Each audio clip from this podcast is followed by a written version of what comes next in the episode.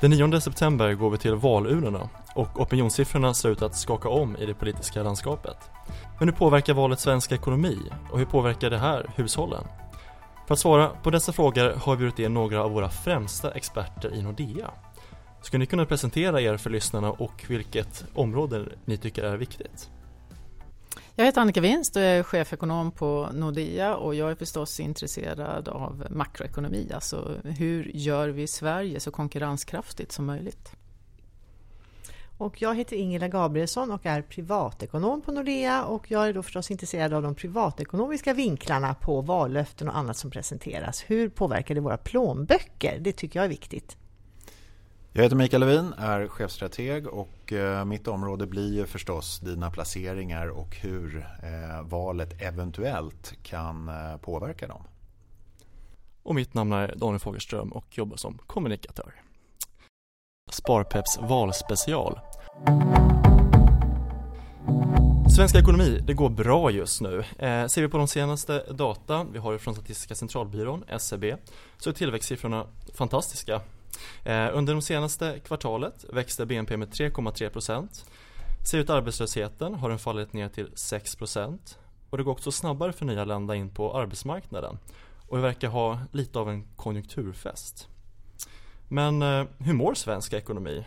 Eh, har vi fått lite växtverk? Vad säger du Annika Winst? Ja, svensk ekonomi går otroligt bra. Vi har verkligen imponerat sedan finanskrisen och tillhör de länder i världen som har lyckats leverera bäst. Både vad gäller tillväxt, sysselsättning men också offentliga finanser vilket är viktigt. Men vi har ju sprungit fort väldigt länge och det betyder att vi har i stort sett inga inrikes arbetslösa alls utan de som är arbetslösa är antingen sjuka eller eh, har andra utmaningar som gör att man inte kommer in på arbetsmarknaden och sen har vi då ett utanförskap också med eh, människor som kommit till Sverige sent och inte kan språket och har svårt att komma in på arbetsmarknaden.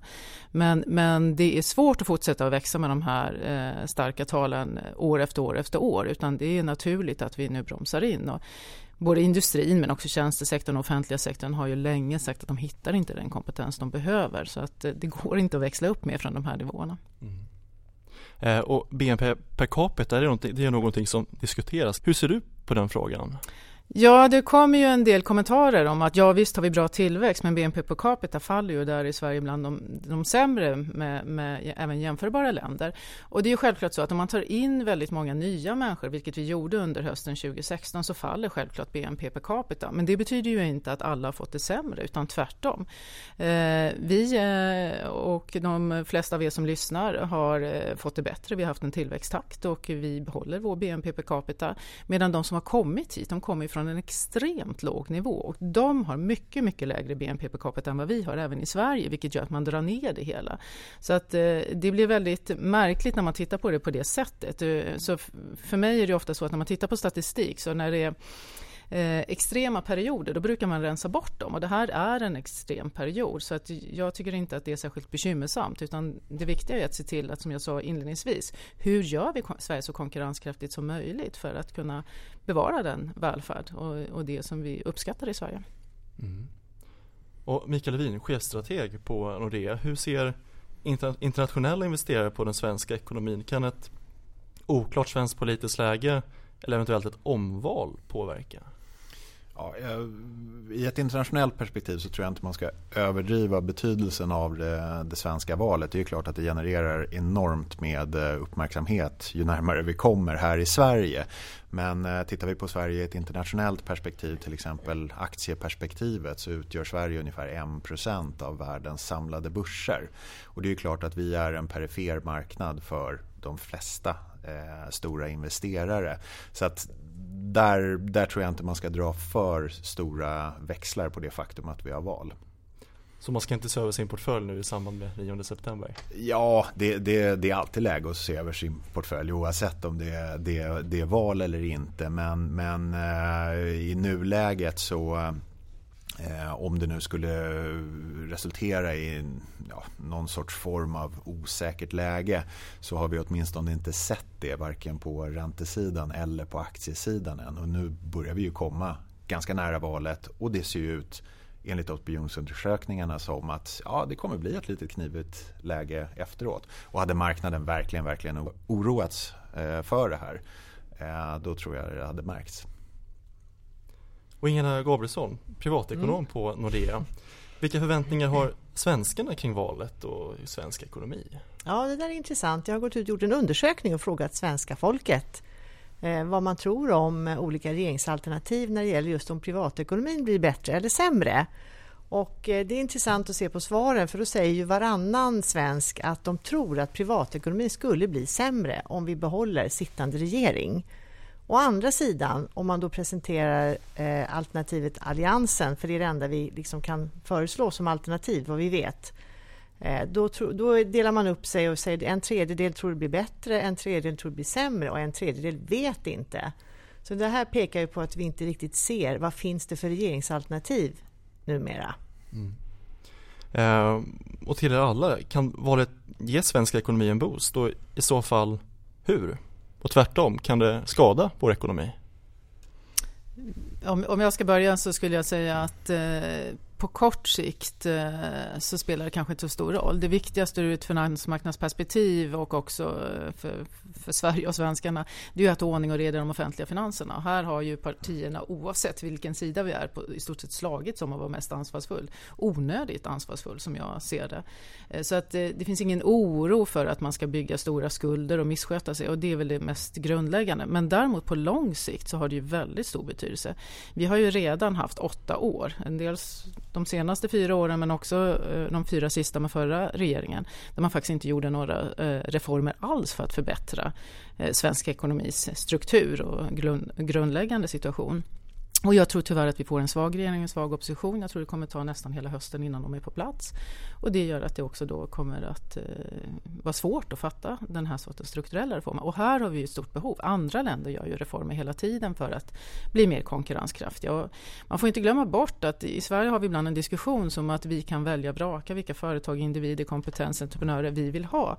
Men vi måste nog inse att vi är ett väldigt litet land. Här gäller det att göra sig attraktiv. Världen är öppen, kapital, människor, företag rör sig fritt och de rör sig till det som är mest attraktivt. Mm. Och då gäller det ju att få jobb, att få utbildning, att få en bostad, hur ser skattesystemet ut, hur ser det ut att vara entreprenör och så vidare. Det här borde ju eh, den politiska diskussionen handla om, men det pratar vi inte alls om. Jag kan tillägga också det där med, med eh, om, det, om det kan skada eller ge en boost. Eh, nu har vi bara historien att tillgå och den ska man passa sig lite för och, och dra för, för stora växlar på. Men Eh, åtminstone sedan 70-talet och, och framåt oavsett vilken regering som har tillträtt så har aktiemarknaden hållit sig ganska lugn till det. Det har inte spelat avgörande roll vilken färg regeringen har haft. Utan det är snarare de långsiktiga eh, utmaningarna eller liksom ekonomins reformtakt som spelar roll över tiden. Inte vilken, åtminstone för aktiemarknaden, inte vilken regering som, som tillträder. Tar man de svenska aktierna eller de svenska bolagen så har ju de lite drygt 80% av intäkterna utanför Sverige. Så att vad som händer liksom också utanför Sverige det, det, skulle jag säga är kanske mer betydelsefullt för bolagen och därmed aktiemarknaden än, än Sverige i sig självt. Ja, det har ju fått många bra svar här från Annika och Micke och jag kan väl bara tillägga det att osäkerhet är ju aldrig bra för en marknad. Så det är väl det som är intressant att se. Vad händer efter valet och hur, och vilka förväntningar har man haft och så kommer de att spela in eller inte? Det kan ju ha betydelse åtminstone i korta perspektivet. Så har vi en fråga från stan. Påverkar valet högkonjunkturen eller tvärtom? Vem vill börja på den frågan? Ja, det skulle jag inte säga att den gör. För att jag tror att det kommer vara väldigt svårt för politikerna att fatta några stora beslut. Eh, det är förstås lite olyckligt för att eh, de flesta ekonomer tror ändå att vi kanske är nära konjunkturtoppen och min bedömning är att vi nog har passerat den och det betyder att vi ska gå in i en avmattning. Skulle det bli så illa att vi faktiskt kommer in i en djupare lågkonjunktur, vilket inte är min prognos, men den risken finns ju alltid, då kommer det vara väldigt svårt för, eh, oavsett vilken regering det blir, att fatta beslut eftersom man är en svag regering. Så man kommer ha svårt att stötta och, och då ska penningpolitiken stiga in, alltså Riksbanken och räntan. Så att, eh, nej, jag tror att eh, vi kommer ha en svag regering och en svag opposition som gör att det konjunkturella eh, som, som styrs från regeringen är minimalt. Och sen ska man komma ihåg, i det stora hela så har inte eh, regeringsmakten den makten i Sverige utan vi är som Micke sa en liten ekonomi, vi styrs av omvärlden. Går det bra för världen, då går det bra för svenska företag och Sverige. Går det dåligt i omvärlden, ja då har vi också utmaningar. Så det, då är det viktigt att titta på hur det ser ut internationellt. Jag gillar ju analogin där med att ja, vi, är, vi är ett litet land även om vi kanske ibland tillskriver oss en lite större betydelse än vad vi verkligen har. Men faktum kvarstår ju. Vi är 10 miljoner, övriga är 7,3 miljarder. Så, vi går över till sparande. För hur sparar vi idag? Eh, hur sparar vi i en högkonjunktur som denna? Sparar hushållen och staten eh, i ladorna inför vintern? Eller är årstiderna förändrade? Är det jag som börjar igen? Så då, då tar jag statens eh, perspektiv. Eller vi har, vi har haft en väldigt lång diskussion under många år att hushållen skuldsätter sig för mycket. Och hushållen har ju skuldsatt sig eftersom vi har flyttat över bostadsägandet till hushållen från att man tidigare hyrde i större utsträckning och så vidare. Eh, och vi har också haft extremt låga räntor vilket har uppmuntrat då eh, hushållen och skapat möjligheter för hushållen att skuldsätta sig. Men om man tittar i ett långt perspektiv i Sverige, så om man lägger ihop offentliga skulder, alltså statens skulder med hushållens skulder, så har det varit stabilt i flera decennier. Så att det där är kommunicerande kärl. Hushållen är smarta. De vet att när staten är slarvig och missköter sig, då gäller det att spara själv, för då är risken att man får skattehöjningar. Om, om staten har ordning och reda som den har nu, ja då vet man att då kommer det inte bli åtstramningar, utan då kan jag själv eh, slösa. Och det, det är det som vi har sett. Men jag tycker det finns ytterligare en aspekt och det är som jag var inne på att jag tycker att både regeringen och oppositionen nu slåss om att vara mest ansvarsfull. Vi har en statsskuld som är på väg mot 20 procent av eh, BNP. Maastrichtkriteriet, det som man jämför med andra eh, e EU-länder, det är 60 procent av BNP, så vi ligger långt, långt bättre än det. Och man kan ju fråga sig hur låg ska statsskulden vara? Vi får nästan betalt för att låna och att det inte skulle finnas en enda vettig investering för att göra Sverige mer konkurrenskraftigt i framtiden. Det är för mig helt obegripligt och jag brukar säga att jag aldrig har talat om ett företag som har sparat sig till framgång. Det gör inte länder heller utan det jag skulle vilja se nu det är en diskussion om vad gör vi för reformer idag för att Sverige ska vara riktigt vasst även om fem och tio år och för att vi ska kunna bevara den svenska och den nordiska modellen som har tjänat oss väldigt väl. Det är oerhört viktigt när vi hamnat i en diskussion med där demokratin utmanas, det var ett samhälle som man, man uttrycker det som att man drar isär. Ja, den risken är uppenbar om vi inte skapar någonting som folk har förtroende för. Eh, och därför är den frågan oerhört viktig och vi har resurser. Och ytterligare en aspekt är att vi har sparat för en åldrande befolkning, det har vi pratat om jättelänge. Nu är den här. Eh, om kommunerna ska ta hand om eh, allt mindre skatteintäkter samtidigt som det är allt fler att ta hand om såväl unga som äldre samtidigt som man ska ta hand om integrationen och man har stora investeringar i eftersatta avlopp, vatten och så vidare.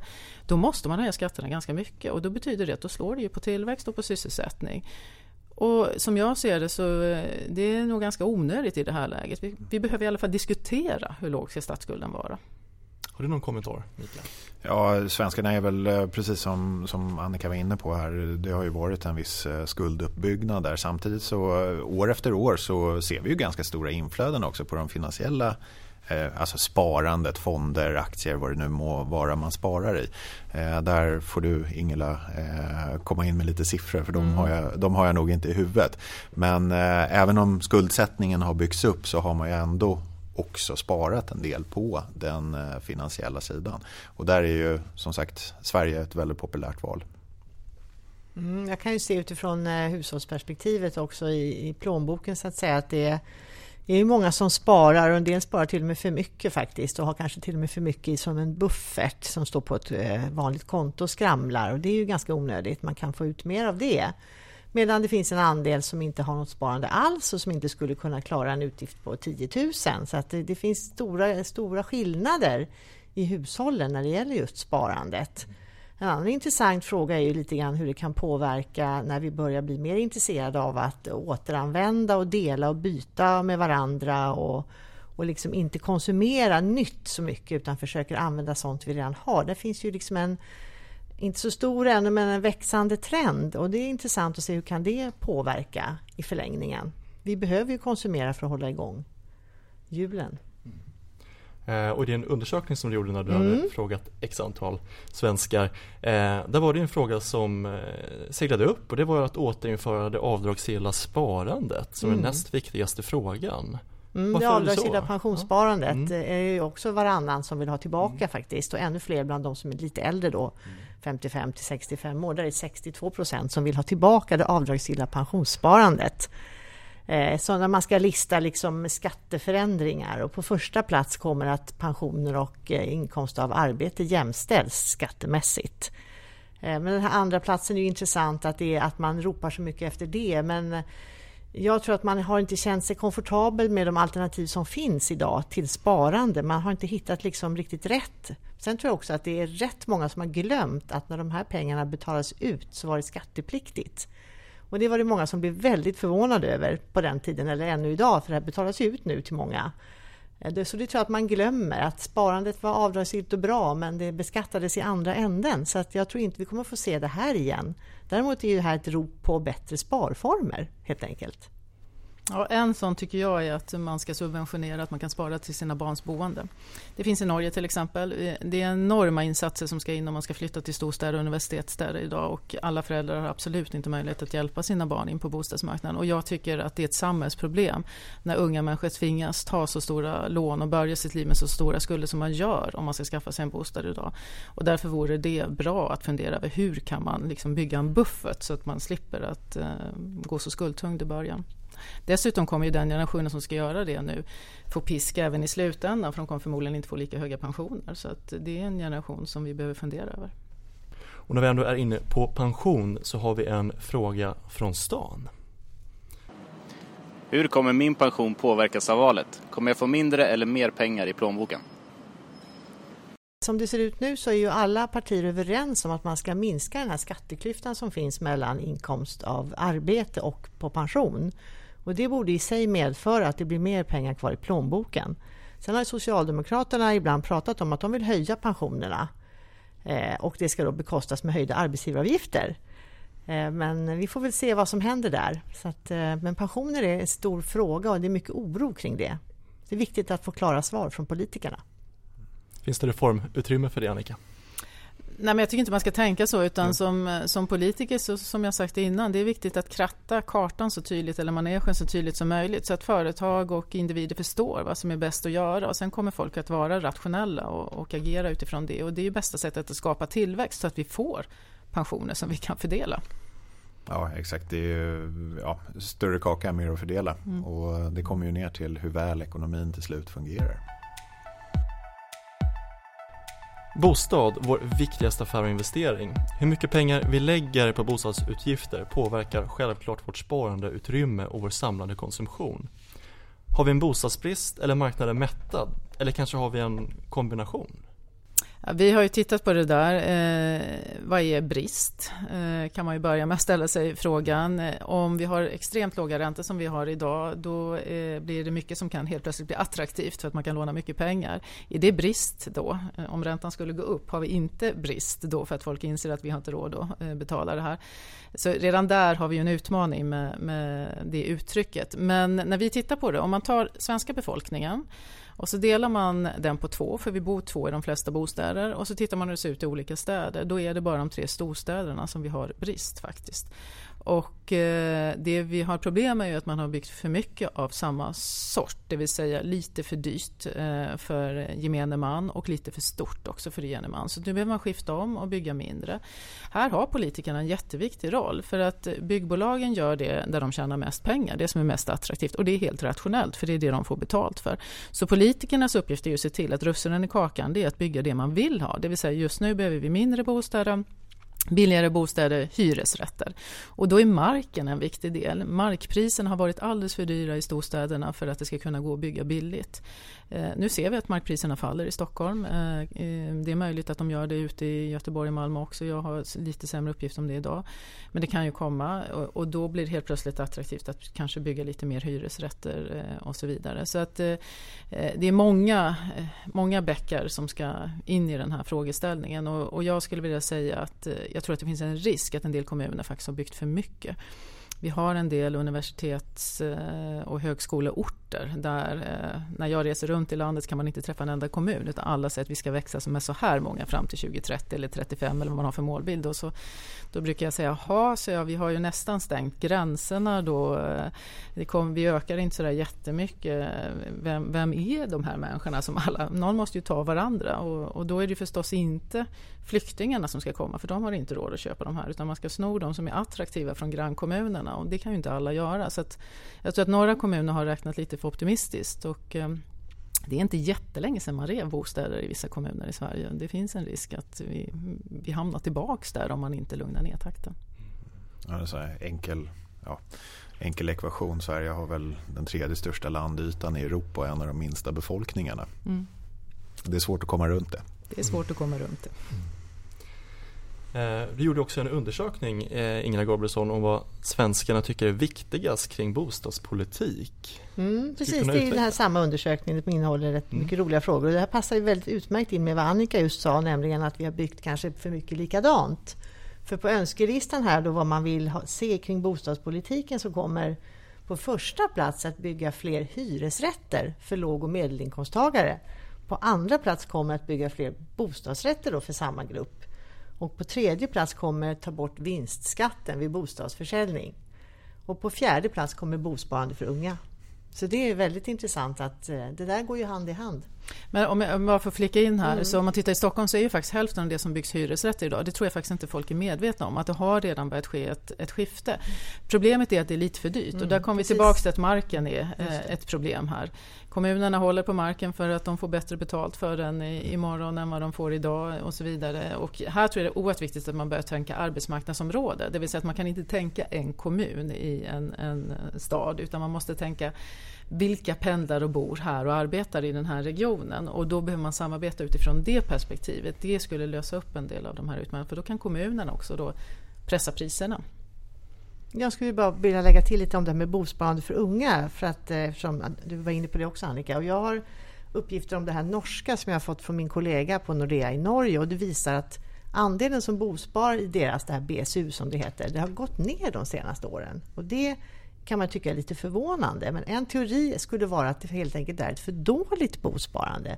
Det tar 12 år att komma upp i maxsumman och den summan räcker då inte så långt. Så att ska vi ha ett bosparande här i Sverige så måste det vara riktigt kryddat för att ge någon effekt. Jag säger inte att vi ska ta det norska systemet, Nej. men man ska titta på andra mm. länder. Vad har de gjort? Och jag tycker det är en ohållbar situation att, att unga människor mm. har så mm. stora skulder, eller tvingas ta så stora skulder. Det är inte rimligt. Och det behöver vi fundera över hur Verkligen. vi löser på bästa möjliga sätt. Mm. Kan det vara en fråga vi kanske har, har underskattat lite i den här valrörelsen? Alltså vi har ju inte pratat särskilt mycket ekonomi och det tror jag skälet till det är att det går för bra helt enkelt. Det är inte det som är de, de stora frågorna utan vi hamnar, i våras var det brott, straff, mm. eh, migration, integration och nu är vi på klimat och eh, migration, integration. Det var lite om bostäderna men eh, det som också är väldigt kopplat till bostäder är ju den ränta vi betalar för det lån vi tar upp. Vi har nu sett en låg räntemiljö under en lång period. Kan detta ändras i och med valet? Hur ser förhållandet ut mellan Riksbanken och eh, politiken? Kan vi, hur, vad kan vi förvänta oss i framtiden? Ja, där ska det vara vattentäta skott. Politikerna ska inte lägga sig i vad centralbanken gör. De är oberoende och så ska vara och det har vi lyckats hålla isär eh, bra i Sverige historiskt och det hoppas jag att vi gör eh, framöver också. Men eh, om igen, vi är ju beroende till viss del av omvärlden här och eh, Riksbanken har ju varit väldigt tydliga med att det är inflationsmålet som man vill uppnå och nu ligger vi på inflationsmålet, man ligger till och med över 2% som är målet. Det mål de tittar på. Problemet är att de då är sex personer i direktionen vilket eh, gör att man har olika åsikter. Det är också just därför man har sex personer, man vill ha in olika tankar och eh, tre av dem tycker att eh, man ska titta på det inflationsmål som vi har och tre av de andra tittar på rensade inflationsmål eller underliggande inflation där man tar bort priser som tillfälligt kan påverka eller priser som inte Riksbanken alls kan påverka som till exempel energin. Och den inflationen är mycket lägre, den ligger på 1,3 procent och det är ganska intressant och målet är då 2 procent. Eh, 1,3 procent det var det också i februari 2015 när Riksbanken införde negativ ränta och började med stimulanser så de har inte vunnit någonting någonting på den politik man har fört annat än att man har byggt upp då större skulder och eh, fått en svagare växelkurs. Om Riksbanken ska byta fot nu eller inte? Ja, det är tre mot tre och Stefan Ingves är den som har utslagsröst och just nu ligger han i det lägret för att man, eh, han är oroad eller bekymrad över att den inte varaktigt ligger kvar på den här nivån. Så att, eh, Eh, men det kan förstås hända saker som, som får honom att ändra sig. Kronan är ju väldigt svag i dagsläget. Den är nog så svag att det faktiskt är lite obehagligt på Brunkebergstorg också. Och det kan ju få dem eh, att agera. Vi har lite löneinflation från Tyskland. Det är en sån sak som kan driva på svenska löner och därmed få lite mer inflation. Så att det är väldigt svårt hur, man, hur de väljer att göra i höst. Men om de höjer så kommer de inte hinna höja särskilt många gånger och inte särskilt mycket. För sen kommer en avmattning. Så att det är, fönstret är öppet en kort tid till.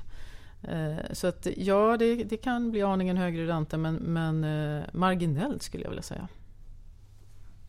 Utifrån just sparandeperspektivet så eh, oavsett vad Riksbanken eller ECB eller Fed håller på med så kvarstår ju det faktum att det är väldigt, väldigt låga räntor. Och det blir ju en utmaning för sparandet för att på räntesidan i det sparandet så får du ju i princip noll i avkastning. Eh, och då Eh, även om det är som du pratar om ett fönster här framöver där man kan höja och så vidare så, så ser det väl inte ut som att räntenivåerna kommer att explodera uppåt och att räntor ska bli något sorts huvudalternativ i sparandet igen. Utan det tvingas man ju att söka sig ut på riskskalan då framförallt till kanske aktier för att överhuvudtaget få, få någon avkastning. Och på den analogin har vi haft ja, snart nio år med uppgång på aktiemarknaden. Hur länge kommer det hålla? Så att det, det finns utmaningar även på, på sparsidan framöver. Och där, som vi inledde med, det är, alltid, det är alltid läge att se över sin portfölj. Och framförallt så tror jag att eh, efter ja, de här snart ett decennium med väldigt, väldigt bra avkastning så tror jag man kommer att få sänka förväntningarna lite framöver. Ser vi till de amerikanska långa räntorna har ju de börjat röra på sig lite. Eh, är det någonting vi ska fundera lite på här i Sverige?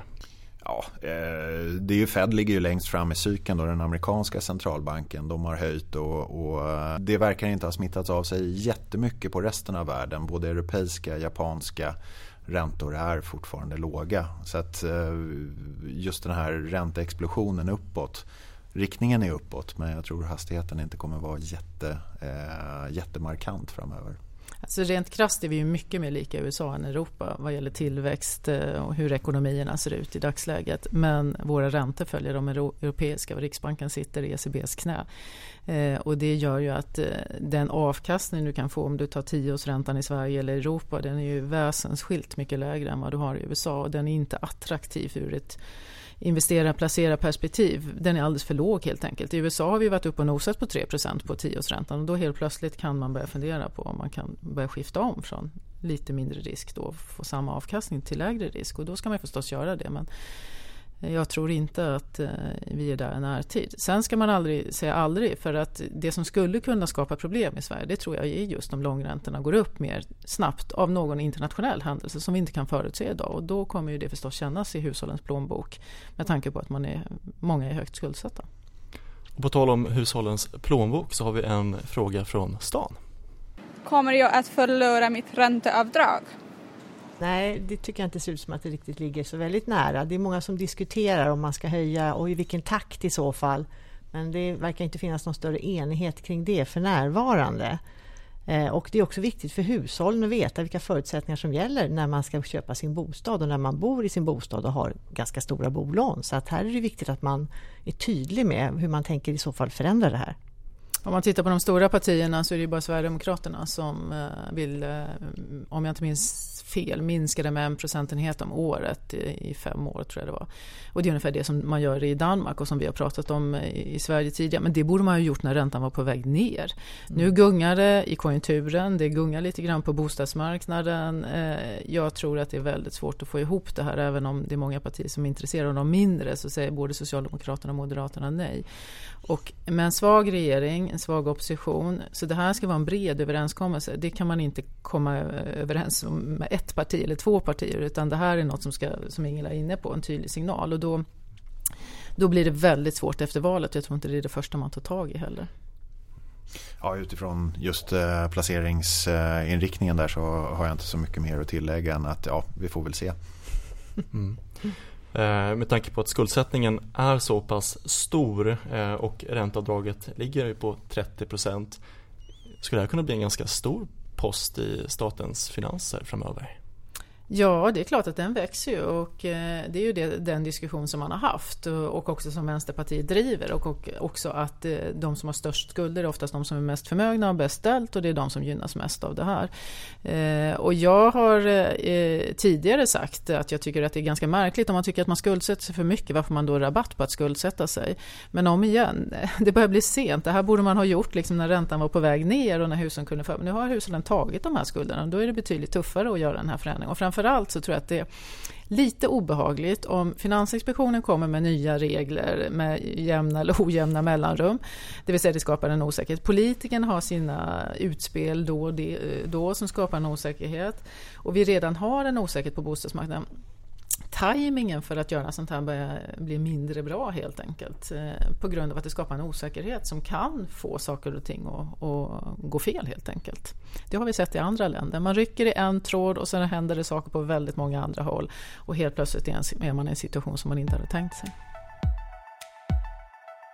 Vi har ju en svensk krona och många nu som var ute på sin sommarsemester fick ju se att man fick lite mindre i plånboken när man växlade kronor till euro eller till dollar.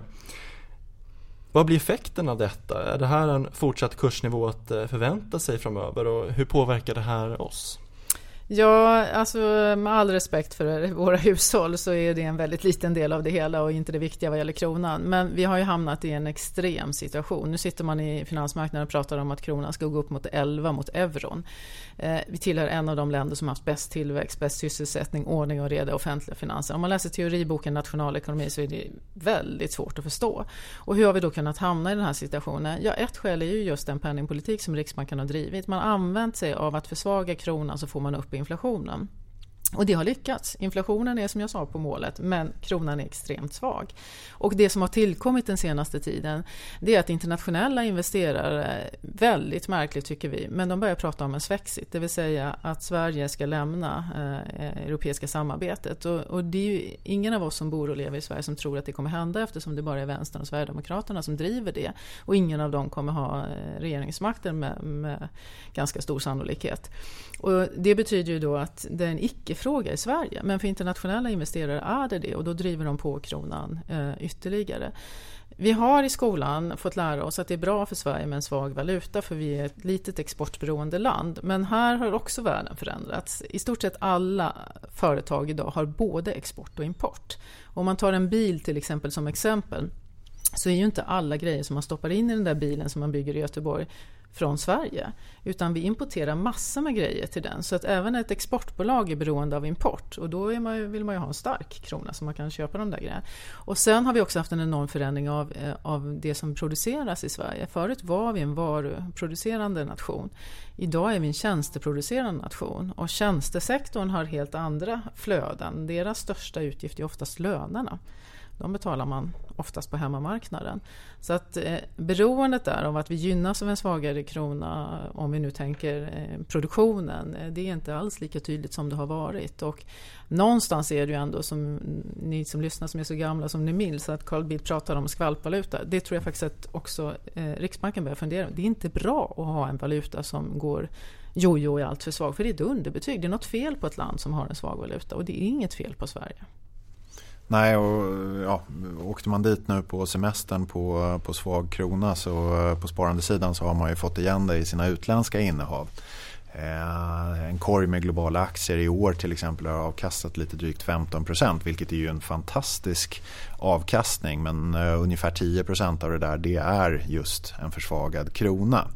Eh, alltså just nu så, ja motvinden då i semesterkassan, det blir medvinden i, i eh, Stanna i hemma och spara internationellt. ja, ja, exakt. Eh, sen i Sverige traditionellt sett så har vi ju en, en ganska stor inriktning åtminstone på aktiesidan men även på räntesidan mot just svenska tillgångar, svenska aktier. Men de som då har valt att placera mer i utländska innehav de har ju fått en, en rejäl skjuts av, av eh, den här svaga, svaga kronan som kanske då är delvis en politisk riskpremie. Ja, man kan väl säga då för privatpersoner att det är bättre att stanna hemma och eh, köpa second hand och gå på vintage och hitta tuffa grejer än att åka utomlands och shoppa. Så kan man väl säga. Det var ett bra tips. Ja. Nästa regering, Vad ska vi skicka med för tips till dem? Ja, högst på min prioriteringslista så står det att vi måste börja fundera över hur låg statsskuld vi ska ha. Vi behöver göra kloka investeringar för att rusta Sverige för framtiden och vi har möjlighet att göra det idag och det vill jag att man ska diskutera. Och vad är det för investeringar man då ska göra? Och då skulle jag säga, jag brukar dela upp det på kort, medellång och lång sikt. Och på kort sikt är den viktigaste utmaningen integrationen. Det måste vi lyckas med och det är bråttom annars får vi stora utmaningar i samhället som, som ingen av oss svenskar tror jag vill ha. På medellång sikt så handlar det om infrastruktur och det är allt från bostäder till kommunikation, att man kan komma, bo, leva och jobba eh, på ett bra sätt och ett hållbart sätt.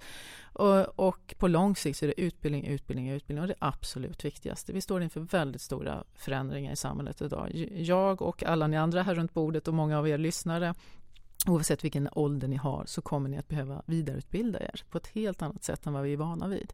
Och vi har också en ny grupp unga eh, människor som har kommit till Sverige som också behöver hjälp med utbildning. Så det är utbildning både för oss som bor och lever i Sverige men också för de som har, är nykomna. Det är bästa sättet att rusta sig för framtiden och kunna möta de utmaningarna så att vi undviker Brexit, Trump och så vidare i Sverige. Ja, det är ju, alla har ju såklart många önskningar eller eh, vad ska man säga, krav på nästa regering. Men eh, om det skulle vara någonting inom sparområdet så är det väl eh, precis som Annika säger utbildning. Sparande är viktigt och det är också ett sätt att, att bygga sig lite, lite egen frihet. Så att allt eh, som kan pushas fram på det området skulle jag tacksamt ta emot. Mm, jag skulle vilja säga också att jag tycker det är väldigt viktigt om man tar upp de här bostadspolitiska samtalen igen och försöker hitta vägar framåt som är hållbara för bostadsägarna. tycker jag är jätteviktigt. Och sen så vet jag också att åtta av tio svenskar gärna skulle se ämnet privatekonomi på skolschemat. Vilket jag tycker skulle vara högintressant eftersom vi dels har de utmaningar som Annika pratar om men även alla behöver ta del av det här. Det är också en rättvisefråga att alla får samma möjlighet att förstå hur det här fungerar och kunna skapa sig ett bra liv och göra rätt val när man lämnar skolan. Och just frågan om att lära sig spara, hur ska man som sparare förhålla sig till det svenska valet? Har ni några spartips till våra lyssnare idag? Så att säga perenna rådet är ju som vanligt att se till att du har en portfölj som motsvarar din risknivå och se hela tiden till att se över den där portföljen så att den följer din risknivå över tiden. Jag tycker att det är viktigt att man försöker förstå de olika förslagen som kommer i den mån det rör något sparande så att man vet hur man ska förhålla sig till det. Och eftersom det är ett val vi har framför oss så är det, är det, kan det vara svårt att navigera idag eftersom de inte pratar så mycket om de här frågorna om man är intresserad av det. Så då tycker jag man får gå till de värderingar som ligger bakom de olika partierna. Så jag vill gärna lägga till att kom ihåg att rösta på valdagen. Det tycker jag är jätteviktigt. Ja, jag är absolut ingen eh, sparekonom så att eh, jag tänker att eh, precis som staten ska fundera till vad ska man ha sina pengar till så tror jag det är bra om hushållen också funderar. Vad är det vi sparar till? Ibland får man bara spara, spara, spara men, men man ska också ha glädje av de där pengarna och mm, det bör man ju fundera över. Vad är det jag sparar till? Och sen lägga upp det klokt och taktiskt. Och med de orden så avslutar vi Sparpeps valspecial och jag tackar varmt Annika Winst, chefekonom, Mikael Levin, chefstrateg och Ingela Gabrielsson, privatekonom på Nordea. Tack för att du har lyssnat på Sparpeps valspecial. Har du tips på ämnen eller områden vi ska ta upp i nästa avsnitt? Hör du av dig till sparpepp nordea.se och glöm nu inte att rösta den 9 september.